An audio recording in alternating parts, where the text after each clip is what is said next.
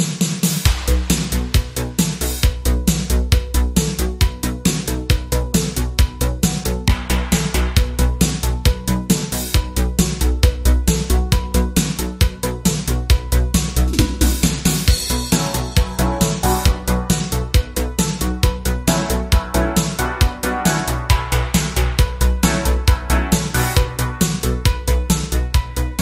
Velkommen alle sammen til Red Crew Rewind. Denne podkasten skal gi dere lyttere en nostalgikript Kongestart. Yes. Ok, vi prøver igjen.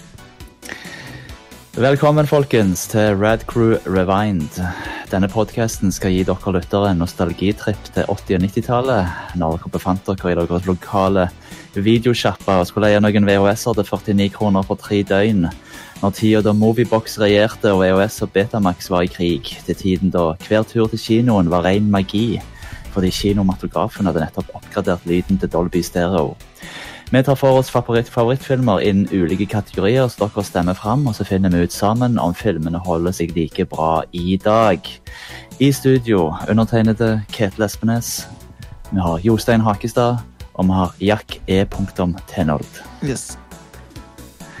Eh, hva gjør dere meg, folkens? Eh, det er hett i Stavanger i dag. Eh, Stemmer det. og eh, hva, hva, hva, hva gjør dere for å kjøle dere ned?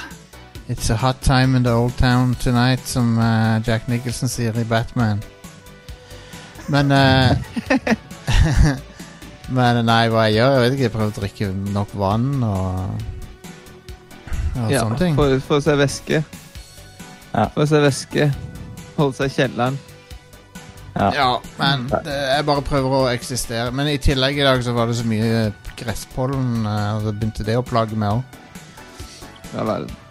Det er gresspollen som er på toppen av din kryptonittliste. Det er det.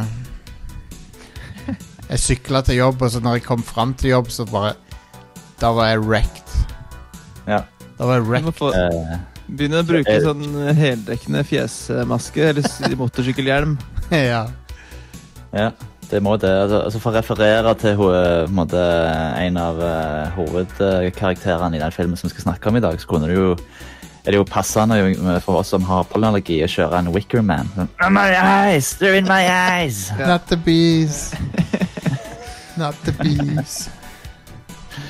Yes. eh, vi hadde en uh, avstemning etter Neverending Story, uh, og da var det uh, Jostein som hadde en bra forslag til en kategori, nemlig Die Hard-kloner. Yeah. Og da var det følgende ni filmer for avstemning. The Rock 1996. Con Air 1997. Starship Troopers, lagt til av Adrian. Air Force One 1997. Cliffhanger 1993. Passenger 57 1992. Under Siege 1992. Sudden Death 1995. Toy Soldiers 1991. Og det ble The Rock eh, fra 1996 av Michael Bay, som gikk av med seieren med over 55 stemmer. eh, tett etterfulgt av Con Air. Vi hadde jo en situasjon der vi hadde en, eh, et uavgjort eh, mellom Con Air og The Rock, så det var, det var en spennende avstemning. Eh, og vi prøvde oss på en litt eh, ny versjon da, med at eh, Eller eh, ja, det var det unnskyldningen min er, men egentlig så eh, jeg, jeg glemte å legge til sånn der en stengt avstemning. eh, og litt sånn at bare nå jeg kan stemme på én film og sånn, så det tok litt av. Men annet med en hostile takeover der med Starship Troopers uh, av Adrian, som jeg går vil si ikke er en Die Hard-klone. Kongefilm, kongefilm, men Så hva er det som kjennetegner Die Hard-kloner? De, de, de må ha følgende ting, etter min mening. Det må være en, et innlukka område. Eh, det må være terrorister som stiller noe krav til noe. Og så må det være én eller to eh, sånne Lone Wolf-helter som eh, gjemmer seg liksom i eh, kriker og kroker på det stedet der, og, og, og plukker ned terroristene én etter én og sånn. Mm. Mm, stemmer det. Det er en god oppsummering. Uh, Die Hard uh, kom jo ut i altså Die Hard 1 uh, kom jo først ut i 1988. Uh, så det er derfor da vi ser her nå at det er liksom et, eh, det er en god samling av disse klonefilmene som kom ut gjennom hele 90-tallet, egentlig. Ja, og en del av de er veldig kjekke. Det er, sånn, det, Ja. det er en del som er bra. Det er det. Det er en, eh, det er en god oppskrift som, eh, som fungerte bra. Yep. Alle filmer på den lista hadde vært eh, stas å se òg, så det var, eh, det var egentlig bare kjekt, det. Samme det hadde blitt. Ja. Ja, det var tydelig. Det skapte i hvert fall mye engasjement og mye, mye engasjement i, i, i kommentarfeltet eh, om eh, minner eh, om denne filmen. Eh, og de andre filmene, annet Jon Stian Østrem nevner jo Skyscraper. Hvorfor ikke den er på lista av Anna Nicole Smith, som egentlig er en rip-off av Die Hard. Uh, Eh, Nicole Smith, ja. Fantastisk. den tok meg ikke.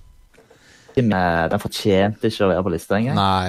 Um, uh, I tillegg så, så nevner han det at uh, både Conair og spesielt The Rock var uh, kraftig uh, kutta ned, altså redigert på kino for å få 15-årsgrense. Ja. Det var en liten fun fact uh, der.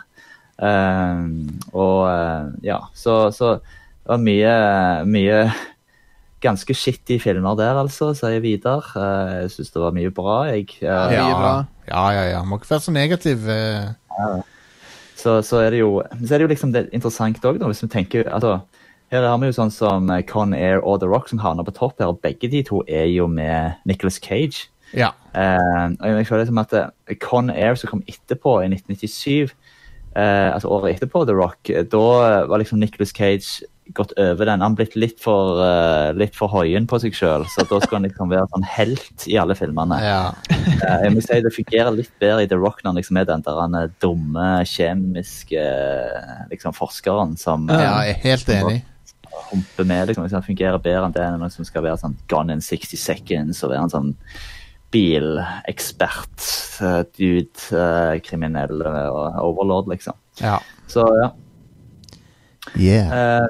Det var en bra, bra avstemning, eh, absolutt. Eh, så da er vi kommet til det segmentet der vi skal eh, høre om eh, hvor var dere eh, Husker dere det første gang dere fikk bevitne The Rock? Vi kan begynne med Lille-Jack denne gang.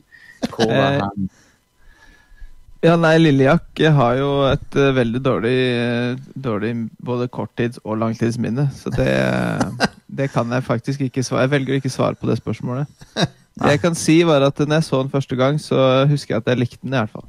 Men om jeg var type liten, eller om jeg var nokså stor, det har jeg ingen formening om. Nei. Dessverre. Uh, men det, det, det er helt greit. Hva med deg, Jostein? Jeg var i, Jeg bodde i, eh, på Hedmark. eh, Jeg gikk på ungdomsskolen da. Siste året på ungdomsskolen, vel. Og så mm. så jeg traileren på TV. Og, og med, med en gang jeg så den traileren, så at det- dette må jeg gå og se. jeg, var, jeg var solgt med en gang på den. Uh, og så gikk jeg på kino og så den, og på bygdekinoen der, og uh, det, på den tida så var det noe av det beste jeg hadde sett, mente jeg da. Ja, stemmer. Hvor var det dette var hen, sa du? Hedmark? Ja, i Stor-Elvdal kommune. Oi, oi, oi, ja. Hvor lenge var det du bodde der? Jeg bodde der fra 93 til 2000. Ja. Bare husk det, folkens. Dette kommer til å komme på Fun Fact Red Crew Kahooten. Eh, Ja, Så jeg, jeg så en hel bunch med filmer i, i den oppveksten på den bygdekinoen der. ja, ja, ja, kult. Var det grei bygdekino? Altså sånn type kvalitet på Eh, han, var ikke, han var ikke så bra, men det var, det, jo- det var liksom ikke noe annet å gjøre. Nei, nei. nei. Ja, nei, men jeg, jeg kjenner meg litt igjen i det du sier der, Jostein. For det uh, jeg, jeg husker det egentlig ikke sånn spesifikt, for dette Altså, midten av 90-tallet, det, var en, eh, det var en periode hvor jeg gikk veldig mye på kino. Uh, og det var rett og slett fordi at jeg Altså, for å si det sånn, jeg har Ingen stor overraskelse, men jeg har alltid vært en nerd. eh, og eh, Eh, jeg, eh, jeg var aldri blant de første Eller jeg var aldri blant de som eh, var ute og festa og drakk eh, egentlig før jeg ble 18 år. Nei, samme her. Eh, så, så jeg eh, så jeg eh, hang eh, litt med likesinnede der, og vi gikk veldig ofte på kino på lørdagskveldene istedenfor at vi skulle blande Baileys, konjakk og, eh, eh, sånn der han uh, Sheridans i barskapet til foreldrene dine, liksom, og så smugle de med deg ut og drikke det utfor Stokkavann og så ligge og spy, liksom. Så det var Nå, nå, nå forklarer du jo egentlig kort og greit hvorfor jeg ikke husker en dritt av hvor jeg så den filmen her. For du, du var blant de. Jeg var blant de som vaska tranflasker og blanda alt av sprit i skapet og tok meg ut, ja. Det er helt riktig. Ja, stemmer. Du var blant de kule, du. Ja, jeg vet ikke helt hva jeg var. Jeg spilte i band, vet du, så jeg måtte på en måte opprettholde det sinnssykt tøffe imaget. Å ja, du hadde et image å opprettholde der. Ja, ja. Så, så det var både positivt og negativt med det. Men bare fortsett, du, Ketil. Uh, ja, nei, det var ikke så veldig mye mer enn det. Altså, det, det uh, altså denne filmen kom jo ut i uh, Jeg vet ikke når den kom i Norge, men altså, den ble sluppet i juni 1996, så det var jo en sånn der sommerfilm. Ja, juli, juli kom han i Norge. Juli 1996. Ok, og Det var akkurat det året jeg fylte 18. det. Ja. Så det var, det var nok eh, rett før alt gikk til H med Ja. meg. da. Eh, Mest sannsynlig. før jeg liksom begynte å drikke, så var det sånn Jeg jobbet på Ops eh, Marie Ro i fruktavdelingen og sorterte poteter og stabla epler og pakte meloner og tjente 45 kroner timen og tjente meg opp 30 000 på bankkontoen fordi jeg ikke Wow. drakk. Og Kjøpte meg en, eh, kjøpte meg en 200 MMX PC med 3DFX hvor Altså, jeg var fader meg Jeg var faen meg uh, Ja, jeg var liksom the man. Jeg var the millionaire på den tida, følte jeg meg som. Men uh, og så begynte jeg å, å drikke, da, så jeg, Konge. jeg, jeg, det helt best. Da er det over og ut. Da er det over ut, ja. Men uh, nei, så, så, eh, så sånn, sånn er det med det. Jeg så han, jeg husker ikke, det jeg husker er at jeg så han på kino, eh, men at han gikk liksom inn i han gikk liksom inn i den der rekka av liksom, ja, underholdende actionfilm. liksom. Eh, så når han ble stemt fram nå i etterkant, så tenkte jeg OK, eh, det skal jo bli greit å få et gjensyn av han, men jeg, jeg, ble, eh, jeg ble veldig positivt overraska over hvor underholdende han var. da. Ja, enig. Ja, veldig gøy film. Ja. Da tenker jeg vi kjører trailer, Jostein. Ja, la oss uh, gjøre det. Han gang, altså. Press play on tape. Yep. Following is a state secret, gentlemen. Disclose it to any party, and you will be subject to prosecution.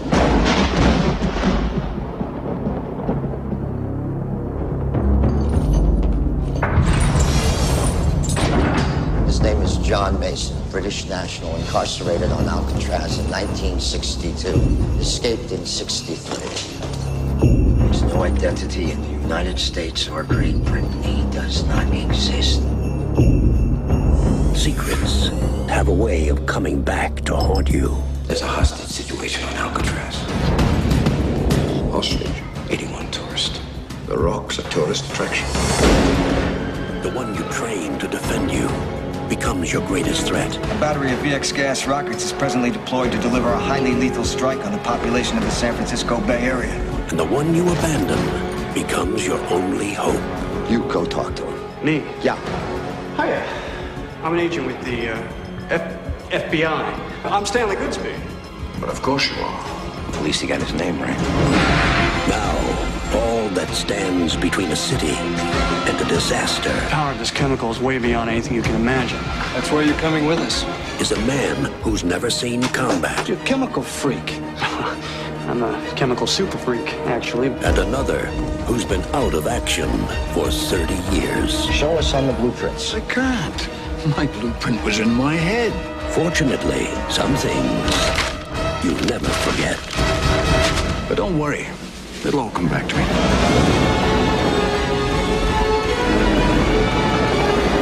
From Don Simpson and Jerry Bruckheimer, the producers of Top Gun and Crimson Tide, and Michael Bay, the director of Bad Boys. Welcome to The Rock. We got visitors. Sean Connery, You sure you're ready for this? Do my best. Your best. Losers always whine about their best.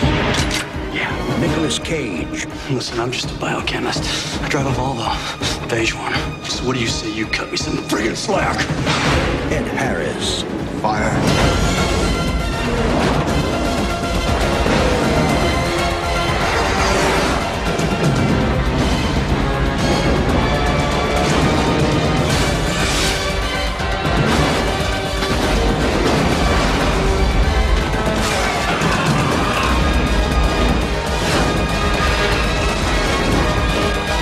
This summer.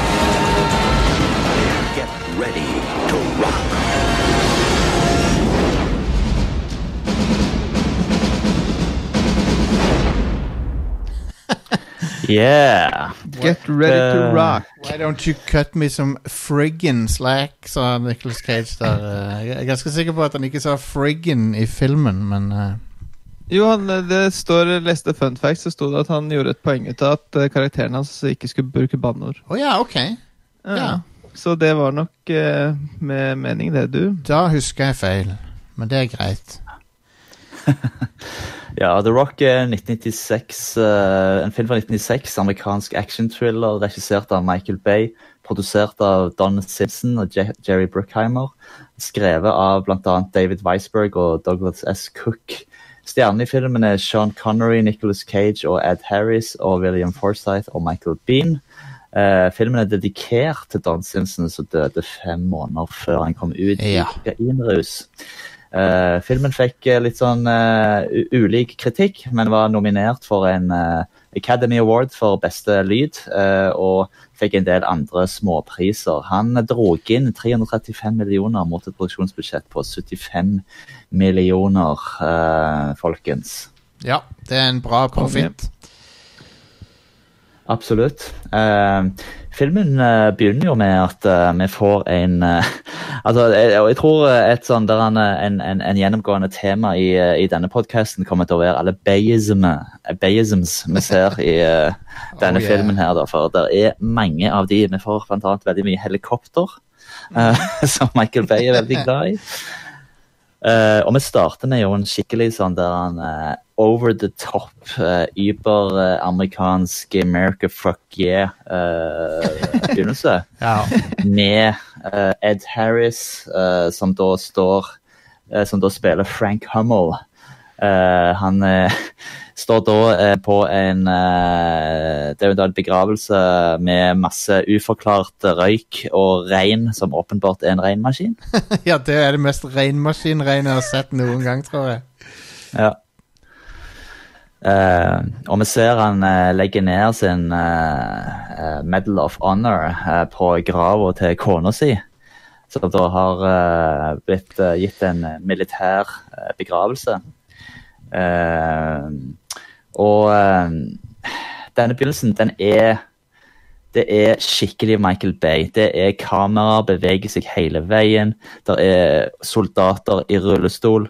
Du Ja. har uh, liksom Ed Harris, han spiller så seriøst han bare kan med det skriptet han har. Uh, det, det, det, altså, hva, hva, hva syns dere? Er det liksom er det, Får dere sånn OK, dette er bare grusomt. Uh, får litt sånn vond smak i munnen, eller er det bare sånn Fuck yeah, dette er liksom Michael Bay, det er sånn det skal være. Det er litt, uh, det er litt cheesy, men uh, hvis du bare er med på the ride på en måte i denne filmen, så, så, så går det an å akseptere det. Ja, jeg likte Ja. det godt, det. Det er tøft. Det er macho start. Alfa start på den filmen her. Liker det godt. Meget alfa.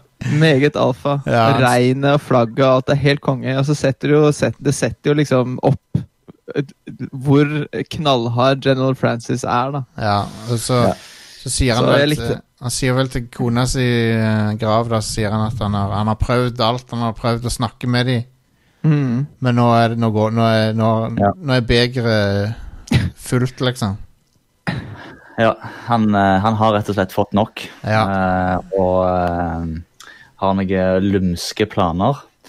Eh, eh, han eh, Vi blir jo også introdusert her i starten til Stanley Goodspeed, spilt da av godeste Nicholas Cage. Yes.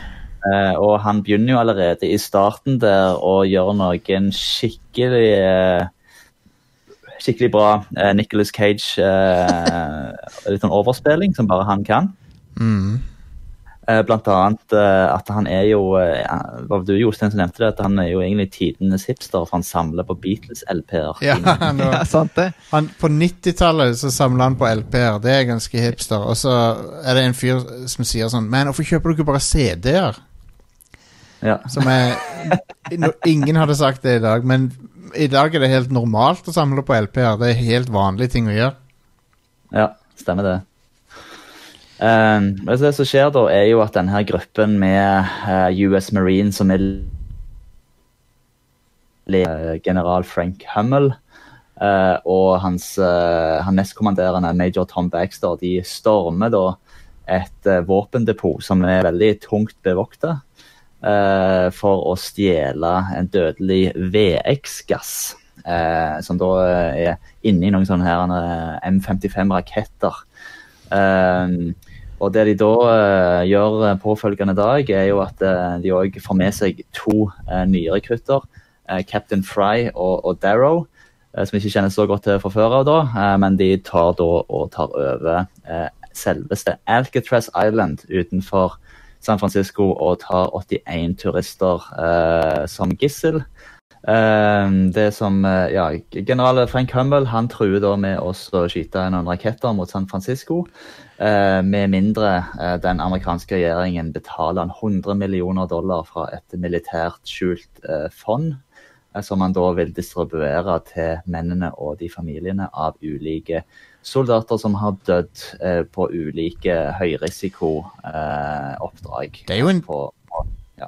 Det er jo en del penger, men det er ikke så mye penger. Nei, så er det, vel, Nei. det han, skal, det er vel, han bruker noen og 80 går til de familiene til sammen, og så resten går til han selv. Og det forklarer han alt sammen også. ja, Ja. stemmer. Og det er ganske nydelig. Ja, han er Men- god på å forklare det. Uh, når, vi når vi introduseres til han Cage, er det da han holder på med det der uh...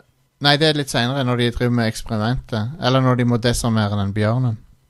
Ja, ja, ja, Ja, det. Jeg er litt ahead of myself her. Ja. Nei, men det er bare å ta det nå. Det, Ja, for det neste, neste gang vi får se han, så Så um, har de en uh, pakke med noe mystisk i, så de har uh, De er inne i sånn et bur, og så skal de desarmere ei bombe, da, og så viser det seg at det er en, det er en sånn teddybjørn oppi der som spyr ut en sånn syre som uh, etser gjennom drakta ja. på de.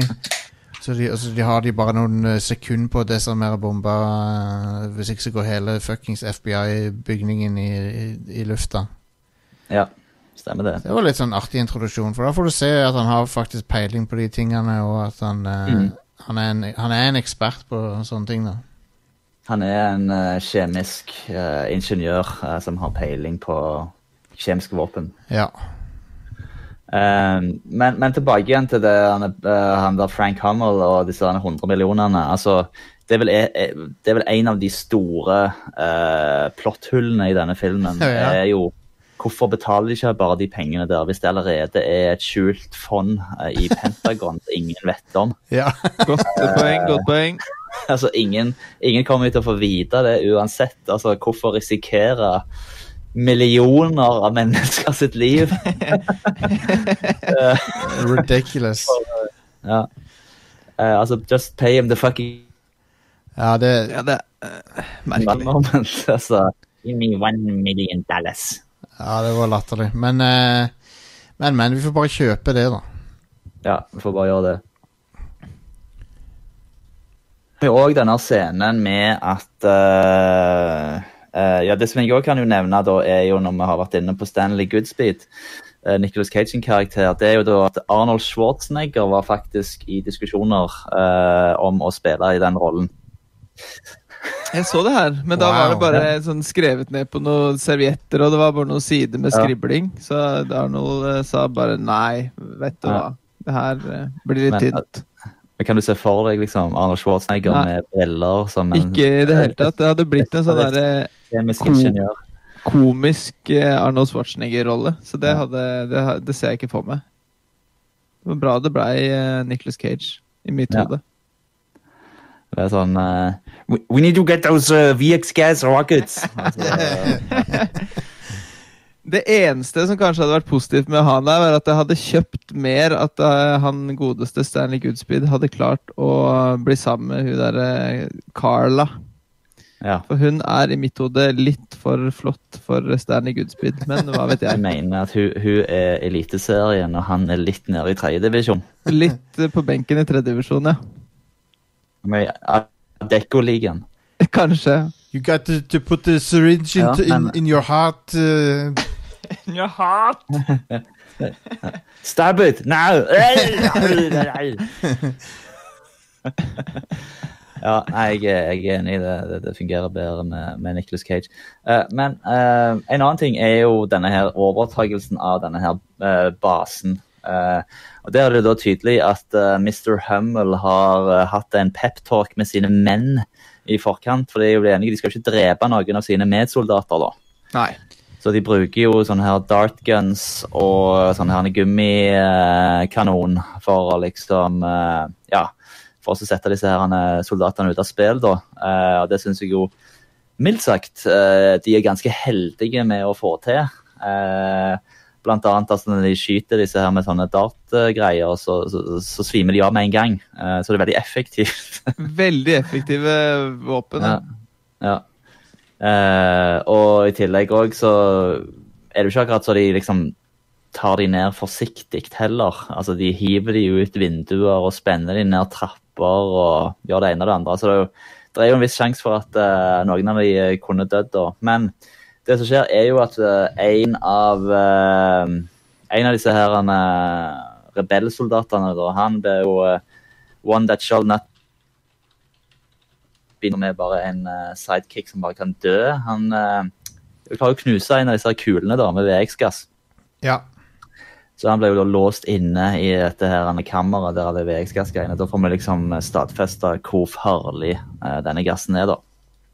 Men Der ser vi også hvor, eh, hvor uh, snille de er eh, med sine egne. For det er vel han derre Tom Baxter som blir stående og se Han står jo og ser han fyren her gjennom den prosessen før han dør. Ja, I'm Han sorry. sier ja, hvisker 'I'm sorry' gjennom glasset. Ja, ja, ja. Good Takk for det, Takk for det, din kuk. Jeg var til der og trynet mitt smelte. Eh, Han har, det er veldig raskt eh, fungerende gass. eh, som, Ja, eh, veldig. mm, Han forårsaker noe leie, leie utslett òg. ja. Ja. Helt sant. Litt sånn psoriasisaktig. Det var litt eh, sånn gass som gir deg akutt psoriasis.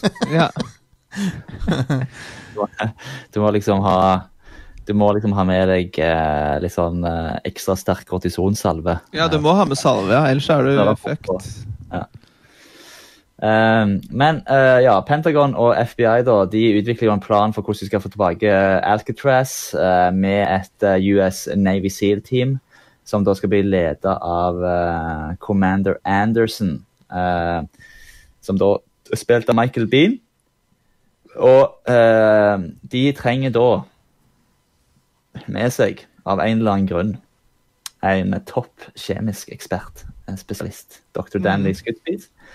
Eh, og det som da skjer, er altså en crazy liten twist, er da at FBI-sjefen James Womack, eh, altså Spencer, han eh, må da eh, frigi en føderal eh, fange, John Mason, spilt av Sean Connery, eh, for å få informasjon om eh, hvordan de kan ta seg inn på Alcatraz. Og Mason er da en 60 år gammel britisk eh, britisk statsborger som da er satt i fengsel i to årtier uten noen som helst form for offisiell påtale. Eh, og den eneste som har, da, liksom, har unnsluppet Alcatraz da Uh, Ja, uh, dette er jo litt sånn morsomt. Ja, det er det. Det er jo den Folk, alle, alle tenker jo, eller i hvert fall tenkte Det første jeg tenkte, var liksom at dette er basically James Bond uten at de kan Uten at de kan si, Ja, ja. Si at det er James Bond, da. Ja. For han ble Det er jo det er jo også den, eh, den eh, But of course you are, sier han jo. But of course eh, you blir, eh, Yes. Det er jo visstnok noe han sier i Dimes Are Forever også. Ja, ja, ja. som yeah. kan sånn. Så Mm. det er jo um, artig. Det, er- mm. da, ja, han sier det i Diamonds Are Forever, ja. For hun sier Hva er det heter for noe? Et eller annet Plenty. Plenty og Tool står det. Plenty, plenty og Tull, ja. Of course you are. Plenty og Tool, selvfølgelig. P push, Ah. Pussy galore. Det er ei dame i, den- i Goldfinger som heter Pussy. Det er navnet hennes. Yes. Jeg vil bare understreke det. Og Galore. Ja, Pussy galore. Ja, ja, ja. Det, det høres ut som det kommer fra Austin Powers, liksom. ja, det gjør det. Jeg var hump a. Hei, for han er en pilot, ja. Nei, men det, Connery er det som gjør hele filmen. Så, så han eh, Det er bra at de får introdusert han, og eh, jeg liker Altså, dette hadde jo aldri skjedd i virkeligheten, sant? for de hadde aldri Hvis det er hvis det, er en, ter en ter terroraksjon, så hadde de aldri gått til en fyr som de har hatt i fengsel i 30 år, Mm. for, å, for å gå i aktiv tjeneste for å stoppe terrorister. Poeng, poenget er vel eh, forklart som at de ikke har tegninger lenger, for det er så ombygd eller noe, så de må ha en som har rømt derfra. Selvfølgelig har de en forklaring på det, men det, Ja, det ja. er jo ridiculous for det, da. Ja, ja. Det er jo det. Ridiculous.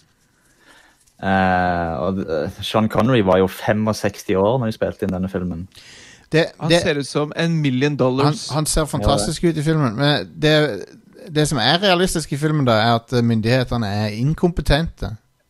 ja, det er helt sant. Og Og, at de er veldig sånn byråkratiske og kranglete og vanskelige. Tenker Ja, de- bare på politikk. Absolutt, de gjør seg vanskelig. De er ineffektive og inkompetente, har ikke peiling på hva de holder på med mesteparten av tida. Sant det? Mm. Ja. Det som jeg føler òg, er jo at uh, Altså, de, de lager sånn voldsomt poeng. Det, du får omtrent sånn Nattsvermeren-følelse når han eh, Mason kommer inn, liksom, Ja. og han er i håndjern og oh, liksom, og pass deg for han. Og, men jeg, jeg føler ikke at han er farlig, på en måte. Altså, Jeg synes det er sånn overdrevet. Ja. At de er så, så redde for han, liksom. Men uh, det skjer jo litt sånne ting seinere, da. Men eh, Så det, det er jo eh, Det er jo greit. Men at de har jo, de jo Vi får jo denne hotellscenen etterpå, eh, når han først da har Stanley Goodspeed har fått han til å underskrive denne kontrakten. Um, at han skal bli eh, fri liksom, hvis han hjelper dem med de Alcatraz-greiene. Og den kontrakten river de jo i to etterpå, uten at han ser det. Uh, uh, men så kommer de til dette hotellet. Eh, og der, eh, der skjer det skje- veldig mye sånn der han er cheesy greier. altså. For eksempel dette her med han der han er frisøren. Det var det Det var verste. en, Ja, det er noen sånne karakterer der som de godt kunne klart seg uten. Det var verste scenen i filmen. Ja, de portretterer jo eh, Svarte menn òg blir portrettert som sånne skrikende, sinte eh, folk. Og han homofile frisøren er en sånn skrullete, erketypisk eh, framstilling av hvordan homofile er. Så det er noen sånne ting som de kunne ha spart seg for. sier du at Ja, ja. Michael Bay eh, ikke er den mest kulturelt sensitive regissøren der ute? Det kan hende jeg er inne på det sporet nå. Nå har jeg ikke sagt direkte, men jeg er inne på det sporet. ja. altså, Når du først er inne på det temaet, da, så kan vi jo bare altså, ja, Du har jo han eh, frisøren da, eller stylisten som liksom sånn oh, sure you don't want an oil treatment. Altså, det er liksom Ja. Han er, Det har, det, det har ikke eldes godt, for å si det sånn. det, er fordi, han- det er fordi han er i San Francisco. Da må det være en sånn flamboyant uh, gay-fyr. Ja, sant Ja. det, selvfølgelig. Det er et stikk til San Francisco, ja. Ja, ja, ja. Det er sånn at de i midt, det er sånn at de i Midtvest-USA, når de ser filmen, så bare San Francisco. Der er det bare Ja. Det er det det er. Selvfølgelig er det det. Ah, at de kan sitte og Ja. knegge. Look at this. Ja, ja, ja. Look at that guy. Eh, altså det, og det, er jo der her òg jeg syns det er sånn merkelig, som sagt. altså for liksom, I den forrige scenen så har vi liksom sett eh, han uh, godeste Mason der. Han er liksom, han sitter med håndjern. De liksom, hadde sittet på en stol for seg sjøl. De er livredde for fyren. Han kan liksom bryte seg ut når som helst. Han skjærer hull i det der vinduet i det avhørsrommet og liksom bare sier 'you bastards'. Og liksom er liksom bare så den, den liksom utbryterkongen. Og så kommer du til neste scene, så lar de han faen meg stå der og dusje yep. med eh, liksom forhenget for. Han har tilgang til en telefon, som ringer Ja og bestiller eh, room service. eh, og da er jo disse FBI-agentene er jo sånn der tegnefilmdumme. Ja, at de de blir uh, distrahert av den room service-maten. Uh, mat! Uh, Steingodt! Uh, Så de så det. Sånn at han kan snike seg ut på balkongen. Jeg liker når han synger uh, If you're going to San Francisco. Eh, det er bare helt fantastisk. Ja. Uh, og så har vi jo denne scenen da, der han eh, drar Altså Han drar jo ut dette han, tynne tauet fra dusjen. Ja, Er det sånn tørketau? Hva er det det tauet er for noe? Ja, det Eh, Men greia er jo Og så går han jo ut på terrassen, og så, ja, så klarer han jo så å hive han der han eh, FBI-sjefen over eh, over terrassen der, så han henger liksom Hånda hans heng, han henger bare etter hånda i det tynne tauet der. Altså Det som skjedde i virkeligheten, det var at den hånda hadde jo blitt reven av. Altså, ja. hadde jo aldri Ja. Eh, men faktisk òg så så jeg det at eh, de hadde visst fått masse sånne telefoner uh, av, uh, av folk som var liksom Oi, hva som skjer her? Jeg skal prøve å ta selvmord. Uh, når de oh, ja. hadde lagd den scenen der. Når han hadde hengt ifra den. Så han hang faktisk Noen hang faktisk utafor der. Ja da, det var filma midt i San Francisco, det der. Wow. Så, Nei, det, det, må jeg, det må jeg si er kult med filmen, er at det er mye on location-filming. da ja, du kan, det. du kan se at de har vært på location, og det setter jeg pris på. Ja. Eh, faktisk så skøyt de mesteparten Altså, scenene òg fra Alcatraz ble, ble filma på, på selve øya og Alcatraz. Konge. Eh, og, men i og med at det var er en nasjonalpark, eh, har nasjonalparkstatus, så kunne de ikke liksom eh, stenge ned hele Alcatraz. Så de måtte liksom eh, filme mens det var folk der, da. Og rundt de som gikk eh, på, på Fikk seg en guidet tur der. Stilig. Um, og, og, og, um, og, ja, og den scenen med han der Womack over balkongen, det ble filma på Fairmont Hotel i San Francisco. Og det samme ble denne her etterfølgende uh, scenen når Mason da prøver å stikke av. Eh, da har Den famøse bilscenen. Yes. Det er en knallbra biljakt. ass Den er veldig bra laga. Ja, den, den, eh, den har noen ridiculous ting, sånn som at ehm, det, Når den trikken eksploderer, så, så, Ja. så, blir, så har han sånn hangtime i lufta. Ja, den Ja. skytes 15 meter rett opp, og så henger den i lufta i 20 sekunder ca. før han detter ned igjen. Jeg glemte å si Ja, at er han, eh, han, han FBI Toppfyren i FBI-filmen, det er han John Spencer, som mange kjenner fra Jeg tror han er i LA Law i sin tid, var han.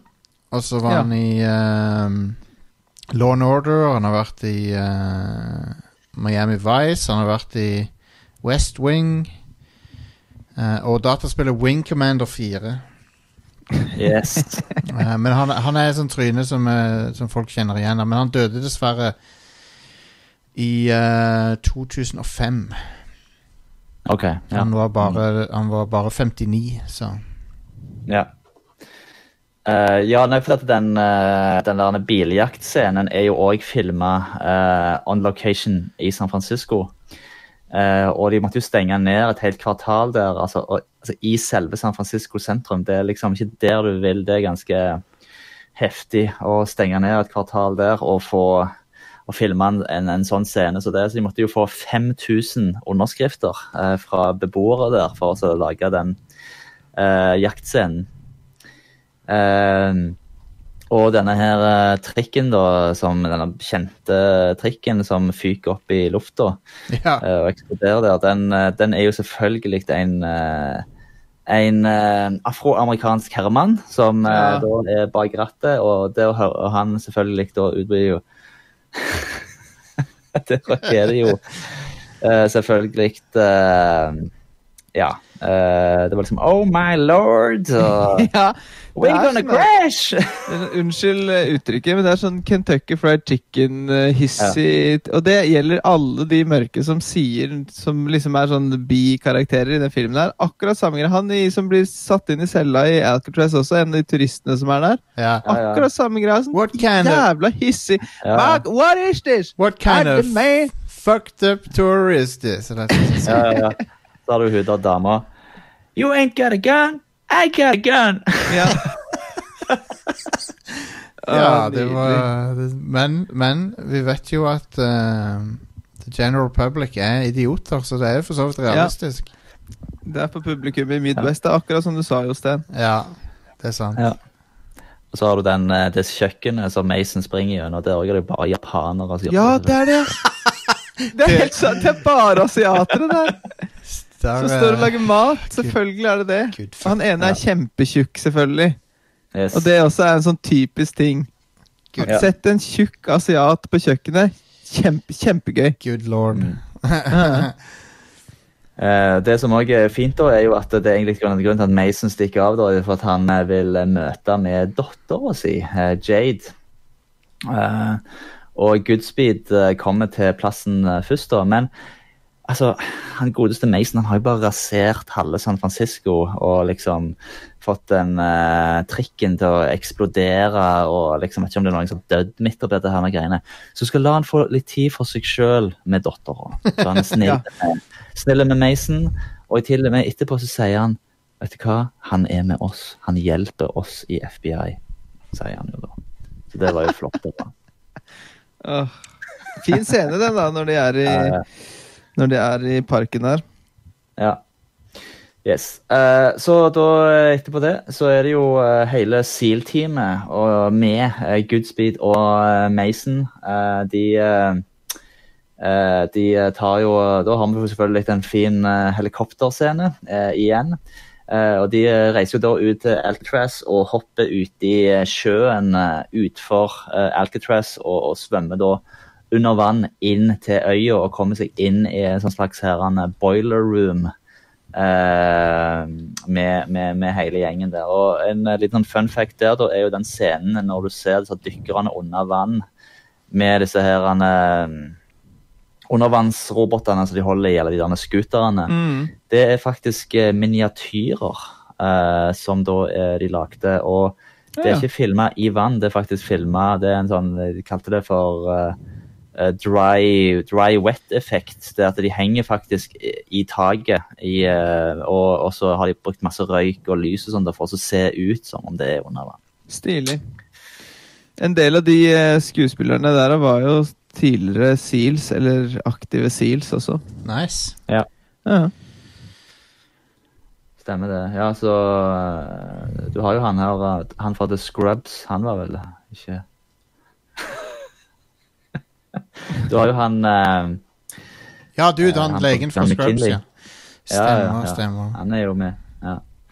Uh, ja, men det er jo også litt sånn artig da, når du først kommer inn på Alcatraz der, da. Det er jo da at de har jo De stoler jo fullt på at uh, Mason han husker alt fra 30 år siden, når han da stakk av fra Alcatraz. Han husker til og med hvordan han skal rulle, uh, sånn at han unngår å bli brent i hæl av denne her er svære slags dampmaskinen som av en Ja, annen har- fortsatt er i full vigør, eh, selv om har memorer... ikke er i bruk lenger. Han har memorert eh, Eller han gjorde det da for 30 år siden, eller når det var. Memorerte han da hvor, hvordan de stemplene gikk opp og ned og flammene kom, og det sitter han da bare refresher i ett minutt før han husker Ja. det helt og kan gjøre det en gang til. Stemmer det. Så han hadde veldig flaks der at den eh, dampmaskinen fungerte akkurat som han gjorde på 60-tallet. da. Ja. Eh, Hope I remember this. Men det er jo bare til nå kjempeunderholdende. Det, Ja, ja, det har vært kjempegøy. kjempegøy. kjempegøy. har det vært. Du Jostein nevnte jo litt uh, uh, linken til Call of Duty. Ja, eller Call of Duty eh, Etter de bytta til Modern Warfare, så har det jo blitt uh, veldig The Rock er blitt mina veldig mye for uh, sånne actionsekvenser, da. Men spesielt eh, den der når de kommer inn i dusjene i Alcatraz. Der, den, den, I Modern Warfare 2 så er det en sekvens med nøyaktig uh, rip-off av den. Mm, mm. Så, uh, så ja. Det, men hele estetikken til The Rock er, har jo Call of Duty Modern Warfare rappa, egentlig.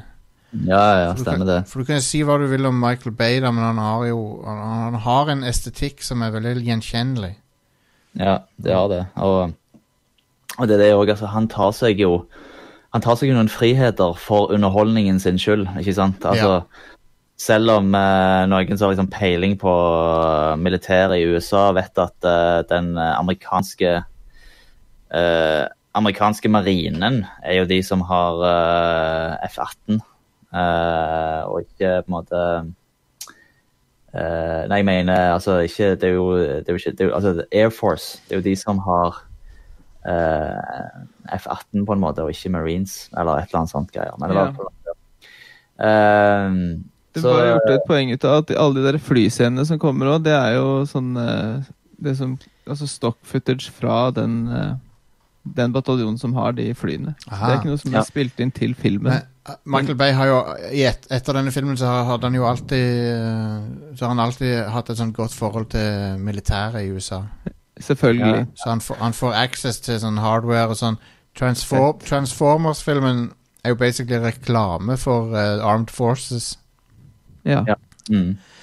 Uh, men men uh, det er noen ikoniske sånne shots. Han er ganske god på visuelle ting. Jeg husker spesielt det er et shot der, der du ser uh, de marinesene komme opp av vannet.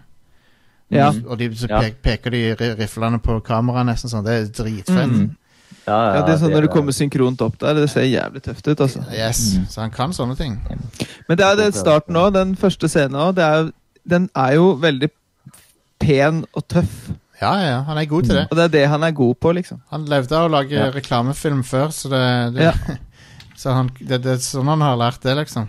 Det er kult. Det er jo, eh, det er jo litt sånn at han eh, eh, han, han er veldig god på det der visuelle. sant? Altså, det, Ja. det får han jo til ekstremt bra. Ja. Eh, eh, det som skjer etterpå, da, er jo at de, etter de infiltrerer Alcatraz, så kommer de jo inn i et sånn, dette her dusjrommet.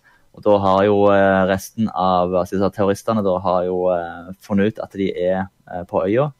Eh, og da er det en sånn der en skytescene der da egentlig alle blir da drept med unntak av, av Mason og Goodspeed. Ja. Eh, så det er jo litt en litt sånn voldsom scene, da. At de ikke Liksom ingen så, som, som de klarer å treffe, selv om det er en full shootout. Og det, og det er der det blir en Die Hard-film fra det punktet av, da. Ja. Da, da har vi jo denne klassiske scenen. Det at de to som skal være venner, ikke er venner uh, allikevel, plutselig. Ja. For det at de uh, Ja, de uh, syns at uh, han Mason han prøver egentlig å stikke av.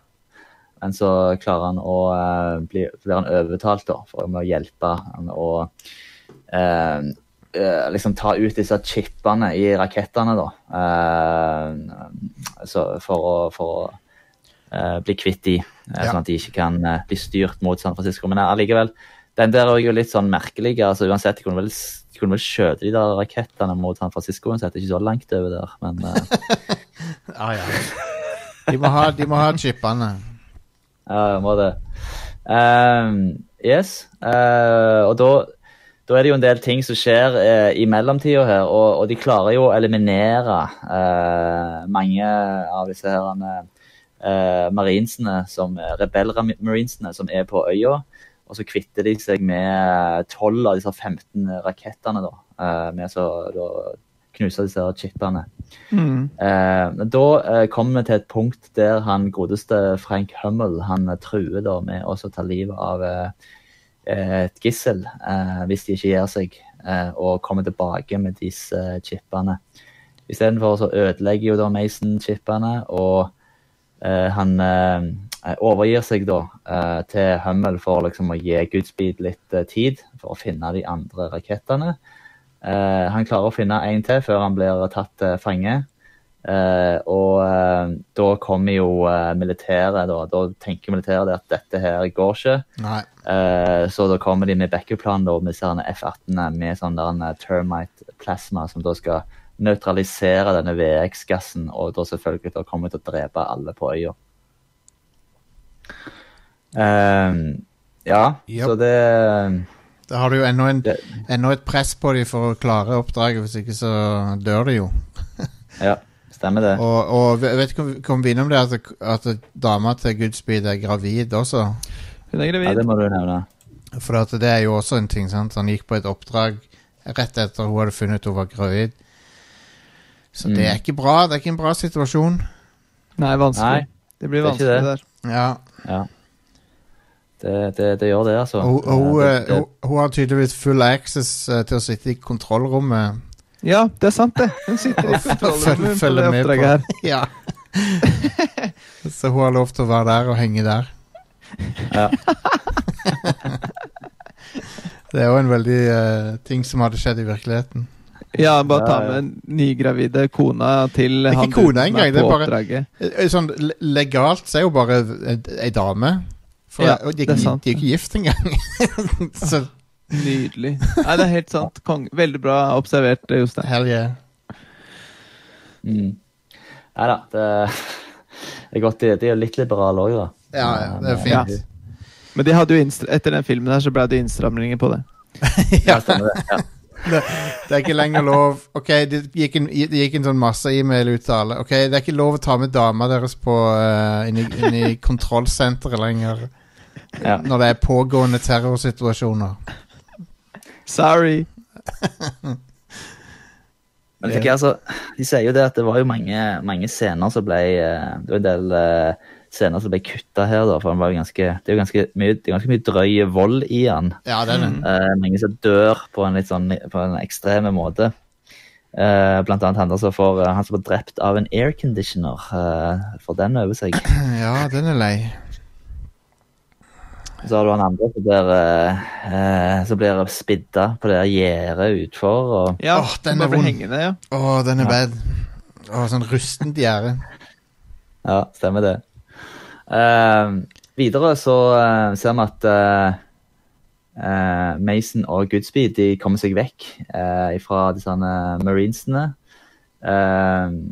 Og, og det han sier, det er at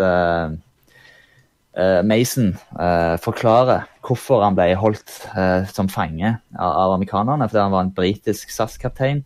Han stjålet en mikrofilm som hadde masse detaljer om, om USA sine største hemmeligheter. eh, og det ville han ikke gi fra seg. Eh, for, det, ja, for han ble vel bli, bli, bli drept da. Eh, så eh, så, men når da deadlinen eh, for, eh, for, det- for, for pengene, da, da, så når tida går ut, så sier så begynner det å bli litt sånn interne stridigheter òg, da, mellom Hummel eh, og spesielt disse to som er veldig gira på at han må liksom, nå må han skyte en av rakettene Ja. eh, å så gi dem en lærepenge. Og eh, det gjør han jo først, da, og så, men etterpå så eh, han, eh, tar han over styringa og, og detonerer han ut på sjøen. da. Eh, så da sier han til Fry og Darrow, da, så disse to nye rekruttene, at nå er dette oppdraget over. Eh, og så da finner jo de ut at eh, han Hummel hadde jo egentlig ingen planer om å drepe noen uskyldige. Eh, og, og Hummel sier da at eh, nå bare kommer oss vekk fra Alcatraz med noen med gisler og den siste raketten eh, for, oss å, for å komme oss vekk. Eh, også, men da blir det sånn at Fry og Darrow de er ikke med på det, da, og de, eh, for de får ikke pengene, finner de ut. Og så de da eh, tar de da livet av han her er Baxter og skader da Hummel eh, ja, dødelig. Ja. Eh, og tell, forteller eh, Han Hummel forteller jo da Goodspeed hvor den siste raketten er, før han da dør. Ja, det Fordi han er en good guy Han var en good... Er det til slutt, vet du. Og Ed Harris spiller jo ekstremt bra i denne filmen. Ja, han gjør det. Han, ja, absolutt. Jeg kjøper han veldig. Eh, nei, så det, det var jo mytteri, da. Det, De calla bløffen hans. Ja, Mytteri på Bounty. de, de to er jo de, de, der, de som gjør mytteri, de er jo psykopater. Ja. Mm. Og Det, du ser det spesielt på han ene der, at eh, han, han er ikke god. altså på starten at eh, Nei, dette her kommer ikke til å gå bra, liksom. Det, Ja, her blir det bråk. absolutt. Eh, og, og når det gjelder Ed Harris, da, jeg så noe sånn her han eh, liksom eh, eh, Ja, jeg så noe sånn her han eh, Noe som var filma som var kutta ut av filmen, og som er sånne her han, tabber når han ikke husker manus og sånn som det. Så sier han han er så sinnssykt i rollen sin eh, at liksom, han blir, liksom- når han blir forbanna, så er han liksom fortsatt i rollen. Så du blir liksom litt sånn redd når du, når du ser det. liksom. Ja, enig. Eh, så, men han er utrolig god skuespiller, og det er synd at han, eh, han forsvant litt av kartet etter liksom 90-tallet. Ja, han gjorde kanskje det, ja. Han gjorde det. Men ja, han er uh, ja. enig, jeg er helt enig. Han er sjef. Mm. Eh, ja, så videre så, uh, så er det jo sånn at Darrow og Fry da, som eh, vil eh, gå videre med planen på å fyre av raketten mot San Francisco. og Good, Goodspeed han klarte å få tak i denne raketten, mens Mason da tar seg av de siste disse marinesene der. Og akkurat når disse her, eh, F-18 kommer, så klarer Goodspeed å, disarmere rakettene. Eh, og før han da dreper både Darrow og Fry, og klarer da å signalisere han sittende på kne med eh, liksom uh, flares, og for å vise at nå er trusselen over. Etter å ha kjørt nåla i hjertet, vel. Ja, det gjør han jo òg. Stemmer det. Åh, han er beinhard, altså. Han er Ja. rett og slett beinhard. Det, det var jo foreshadowing, for det, de, de, det var jo snakk om det på FBI-kontoret tidligere, at det var sånn motgift så de måtte stikke i hjertet. Mm. Ja, det var vel det også de holdt med i det der eh, Når den bomba kom til Pentagon òg, var det ikke det? Nei, Jo. ikke Pentagon, men Til- det er på det laboratoriet han jobba. Ja. Altså. Men ja, så eh, det, jeg, det var helt det, Jeg fikk sånn noia av, av det første gang jeg så den, at jeg måtte liksom stikke og sprøyte oh. inn i hjertet. Det er så ekkelt å tenke på. Den river. Åh, Den river, ja. Jeg tror ikke jeg vet ikke om jeg hadde Men- klart det. Nei. Det hadde bare gitt beng. Ja. Det er jo litt sånn eh, morsomt å eh, igjen eh, tenke litt altså eh, Goodspeed eh, var jo Det ble jo gjort et sånn veldig poeng av i starten da, at han var jo ingen eh, elitesoldat, liksom, og han hadde nesten ikke skutt med pistolen sin før han eh, Siden eh, han gikk på FBI-akademiet, liksom. Han glemte å ta med pistolen sin. Ja, Yes. stemmer det. Stemmer det. Men det skal jo sies at han var en veldig, veldig sånn eh, Hva heter det for noe? Komprimerende, komprimert situasjon når han fikk telefonen nå, da. Det var jo ikke bare bare å huske på alt du skal ta med når du på en måte Ja, har var, hatt uh, Carla Pestalossi på fanget der i, i noen minutter, og så ringer Ja. telefonen. Det blir vanskelig å huske på alt. kompromittert, tror jeg ordet du lette Ja, kompromittert, ja. Yes. Komprimert. Men ja, hun, han, Men- det stemmer, det. Ja. Men det er jo liksom òg at uh, han er jo med på dette oppdraget fordi han er en kjemisk ingeniør, men jeg føler ikke at han bruker sine kjemisk ingeniørferdigheter så voldsomt da, Nei. egentlig. Nei. Nei, Han, du eh, behøvde ikke å ha han med. Du kunne hatt Nei. med hvilken som helst annen bombe desarmerer. Han, han drar liksom de der kulene ut av en rakett veldig forsiktig. Jeg tror det Ja. er det nærmeste du kommer. Og så tråkker han på de styringsmodulene. Ja, Ja. stemmer det. Ja. Ehm, ok, men det gjør ikke noe det. Det var film. eh, Konge. Ehm, ja, og, og, og, og, det, det siste som skjer da, er jo at uh, Goodspeed og Mason de skiller da lag eh, etter at Mason da har gitt eh, lokasjonen til den mikrofilmen som han snakket om da, til eh, Goodspeed. Og Goodspeed han sier da til Womack, da, den FBI-sjefen, eh, at eh, han ble drept i bombeeksplosjonen, mens Mason kommer seg vekk. Og litt etterpå så ser vi en sluttscene der Goodspeed og hans eh, nye kone Carla eh, er inne i ei kirke og stjeler da denne mikrofilmen. så Mm. kjører vekk, Og setter egentlig litt opp for en mulig oppfølger, da, som det var Yes, snakk yes. Aldri ble noe av. Det, han han eh, nevnte vi det at han, han sier til FBI at han eh, At han uh, døde. Han, Ja, han sier at han blir vaporized ja, eller noe. ja, ja. Han ble drept i den bombeeksplosjonen. Ja, liksom. ja. Mm. Det var én missil fra jagerflyene som, som de ikke klarte å stoppe. Også. ja, stemmer det. det var Rett i fjeset hans. Ja. Ja. Rett i trynet. Så han ble uh, Men så må vi jo anta da at han fikk gå, gå og besøke dattera si igjen. Og, Mm. Ja, det er jo det vi må tenke. ja. Så det var jo fin. Fin slutt, men litt, litt fjollete med den der kirka på slutten der. Når de Ja, ja Fair and Loathing-klærne og litt Ja, sånn, han har jo på seg ja. de fuckings uh, Hunter S. Thompson-outfiten der. Ja, Sånn det det. er som men en de- sånn prest springende etter, liksom. Hei, stopp! Han er jo FBI-agent også, han bare åpenlyst går og gjør innbrudd eh, i, i kirke. I kirke. Ja, stemmer det. Uh, men ja, altså, den siste replikken i filmen er do you, eh, Honey, do you want to know who killed John F. Kennedy? Mm. For han kan tydeligvis se det på den Ja, ja, ja. Han ser det. på- Ja, Det er den første, første filmen han finner det. Jeg, tror, jeg tror ikke du kan Jeg husker ikke, Har han en lupe å lese Ja, han han sitter med sånn liten sånn eh, Ja, ok, ok. C-sak. For du kan Mm. ikke fuckings lese mikrofilm uten, noe, hvert. Nei, Eh. Derav eh, ordet mikrofilm. Ja. Men mikrofilm er det for lite av nå om dagen, syns jeg. Det er et kult format. ja, Ja, absolutt. ja, ja. Det var masse av det James Bond òg. Ja. Ja. Det er mer mikrofilm og mer DAT-tapes.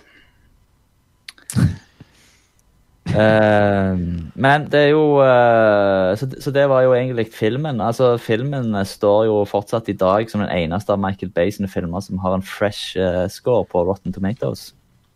Ja. Og det er jo, det er jo vel fortjent. Det kom jo, som sagt, sånn som Jerry Bruckheim òg, som var medprodusent på denne filmen her, han, han har jo òg vært med på å produsert ekstremt mange av de andre her filmene som vi har nevnt. Altså Con Air, eh, Gone in 60 Seconds, Bad Boys, Yep. uh, Beverly Hills Cop, uh, Pirates of the Caribbean, ja. Enemy of the State, Black Hawk Down osv. osv. Mm. Um, Black, og- og Black Hawk Down har han uh, Mulig han har produsert den, men det er Ridley Scott som har regissert den. Han har produsert den, ja. Ja.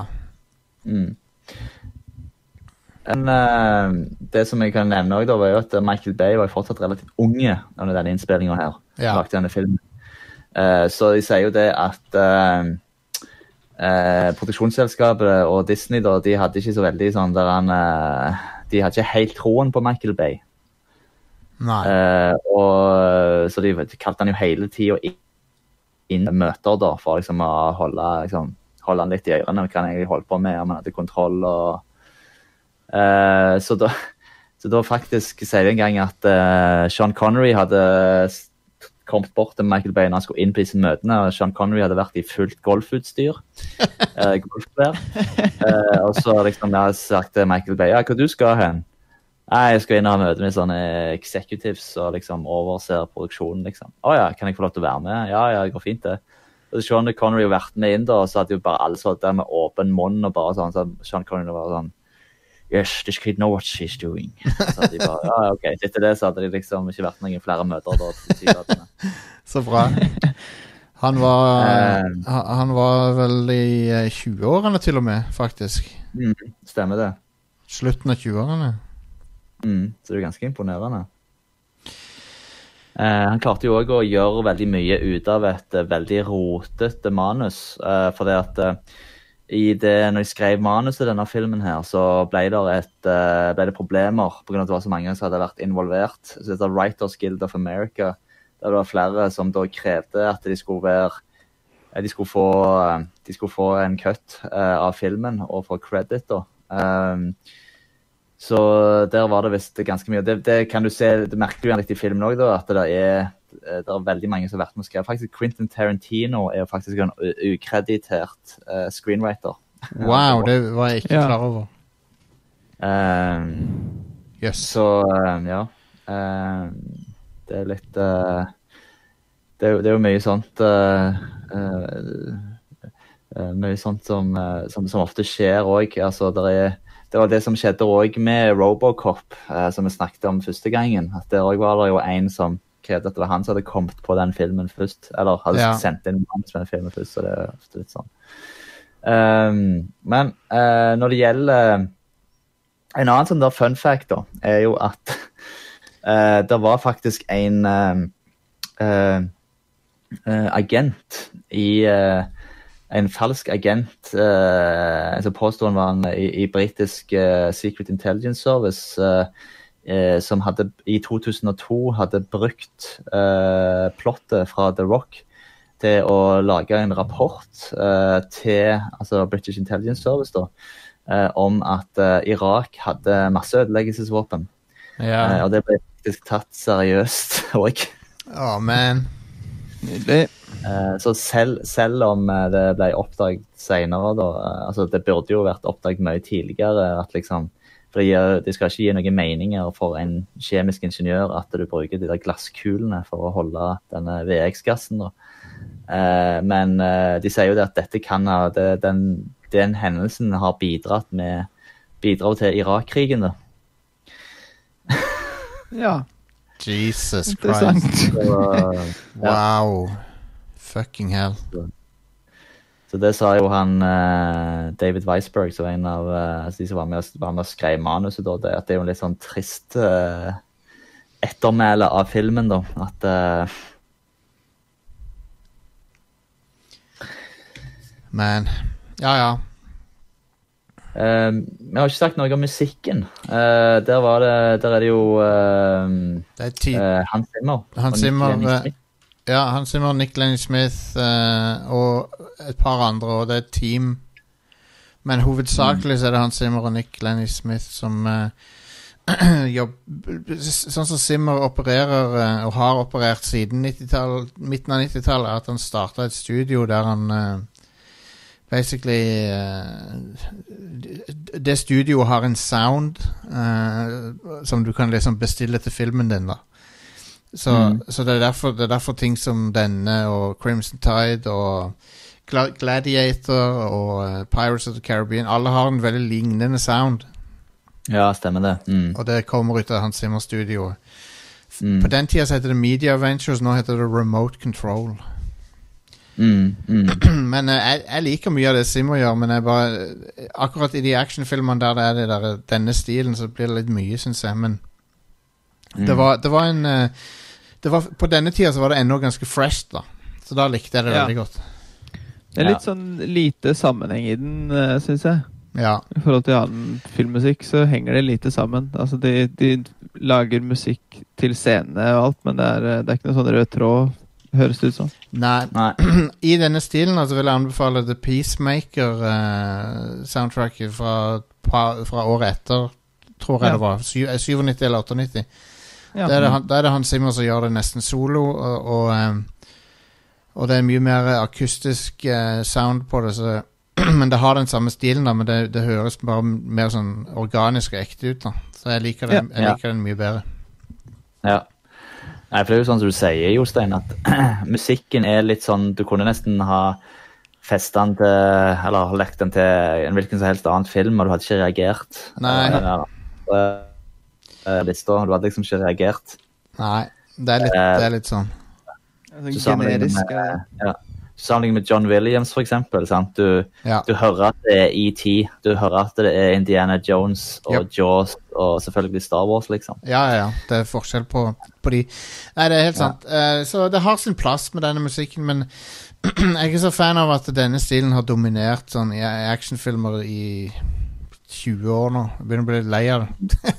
Ja, eh, eh, ja uh, veldig bra. Uh, da, uh, da tror jeg vi har kommet til, til punktet på tampen av denne tredje episoden av Rad Crew Revine at vi skal gi poeng til filmen. Og de poengene der består i antall laserdisker. Det kan òg være et desimaltall bak. Det er lov, det, for å gi litt mer spenning i avstemningen. Eh, så jeg kan starte med Jostein en gang. Hva vil du eh, gi som en oppsummerende anmeldelse av The Rock og en eh, laserdisk-sum? Ja, eh, jeg regner med vi gir hele laserdisker, ikke halve. ja, vi kan gi halve òg. Ja, men jeg, jeg liker å tvinge meg sjøl til å gi hele. Da gjør du det. Og eh, jeg lander nok på eh, Altså, jeg, jeg syns det er en, en underholdende actionfilm som eh, har en veldig, veldig bra action, ikke minst, og eh, stort sett ganske bra klippa sånn. Michael Bay tok litt vel av med det senere i karrieren, men eh, akkurat denne syns jeg er ganske sånn lett å følge. og Kjekke actionsekvenser. Nicholas Cage er veldig Nicholas Cage, men, ikke, men han er ikke for Nicholas Cage heller, så han uh, gjør en ganske bra figur. Men det er jo det er jo Sean Connery som stjeler showet, da, og uh, føler han tilfører en hel, en hel laserdisk uh, aleine. Oi, en hel? ja, Ja. for ja, men, så Ingen andre kunne funka i denne filmen. Nei, nei. Enig. Så eh, jeg lander på tre sterke laserdisker. Ja. Tre sterke laserdisker der eh, fra Jostein, altså. Hva med deg, Jack? Eh, nei, som eh, Jostein sier, så funker eh, Sean Connery eh, optimalt. Nicholas Cage er eh, Han er en underspilt, overspilt Nicholas Cage. Eh, Det funker veldig greit. Ja. uh, Pluss for intro USA. um, bad guy med gode intensjoner og en uh, sinnssyk måte å få gjennom det han vil. Uh, musikken sånn halvveis. Så jeg tror tre laserdisker er riktige for den her. Ja. Mm. Eh, jeg uh, ble veldig underholdt av den filmen her. Uh, som sagt, jeg ble overraska Mm. over hvor underholdt jeg ble. Der er Jeg syns det fungerer altså my- Mye av det de ser når jeg sier det, åh, det er ikke vondt å gå tilbake igjen til de filmene. Men jeg syns den, denne her fungerer veldig godt i dag òg. Uh, der er en, der er, du kjeder deg ikke ett sekund i denne filmen. her. Det er en sånn film du kan sette deg ned eh, en uh, søndag når du vil bare drepe litt tid uh, og på en måte bare ha noe sånn uten å tenke. sant? Eh, gode skuespillere, eh, underholdende. Eh, det som trekker litt ned for meg, er, eh, er selvfølgelig, altså, Det er jo disse her litt av de sånne stereotypene. da, Det blir litt sånn teit, men du må liksom bare ta det litt for, for det det er. da. Eh, det er, noen, der er en del ganske heftige plotthull, men egentlig så er det ikke noe sånn som plager meg for sånn nevneverdig. For jeg klarer liksom å, å leve meg inn i, i filmen uh, til tross for det. Uh, jeg syns det er veldig mange bra scener. Uh, det er utrolig mange flott, flott, mye flott filmer med litt filming. og, og, og jeg syns, selv om plottet er litt sånn rart, da, så synes jeg det òg er ganske originalt. Så jeg, jeg velger å gi han fire laserdisker. Nice. Veldig bra. Fire av fem. Yes. Så da har vi eh, to, to på tre. Eh, vi har meg på fire. eh, og det blir da 3,33 eh, i snitt. Eh, og da, eh, i forhold til eh, de andre filmene vi da har eh, snakket om, eh, så har vi da Robocop på topp med 4,3 laserdisker. Vi har Neverending Story med 4 og The Rock eh, på tredje da med 3,33. Ja, yeah. Det, det syns jeg passer bra. Ja da. Ja. Supert. Hva er neste tema? Har vi funnet ut av det ennå? Vi har vel ikke blitt enige om Nei, vi finner, det kommer. jo Det kommer. Ja, eh, det kommer, ja. Håper på ninjaer. Ja, Ninja er en mulig en. Ja, det er en eh, sterk kandidat. Da sier vi tusen takk for oss for nå, og så snakkes vi plutselig igjen. Eh, Det kan jo være det blir en liten stund til neste gang nå, for nå er det litt sånn sommerferie og sånn som treffer oss. Ja. Uh, Men uh, det var det. Noen siste ord fra dere før vi forlater den digitale eteren? Nei, ikke noe annet enn at eh, Jeg regner jo med vi er tilbake i slutten av juli, da, eller noe sånt nå. Mm. Det, det, det bør vi klare. Ja, så, men, yes. men nei, jeg vil bare si god sommer, jeg. Og, eh, og eh, nyte noen eh, bra eh, cheesy filmer i sommeren. Ja, Få lei dere noen gode filmer. Lei noen filmer, ja, på eh, Mm. din lokale videosjappe som, Yes. som nå er youtube.com. Du kan leie film der, det er ganske billig, faktisk. Så Husk å spole tilbake før du leverer. ja, husk å dra den der eh, progress-baren tilbake igjen før, etter du har sett Når du er filmen. ferdig å se filmen, ja. Så vær, vær Og- høflig mot nestemann. Yes. Veldig bra. Da vil jeg bare si til slutt, uh, hvis dere velger å reise utenlands i disse dager, som fra Sean Connery I hope you are insured. ja. ha det. Ha det.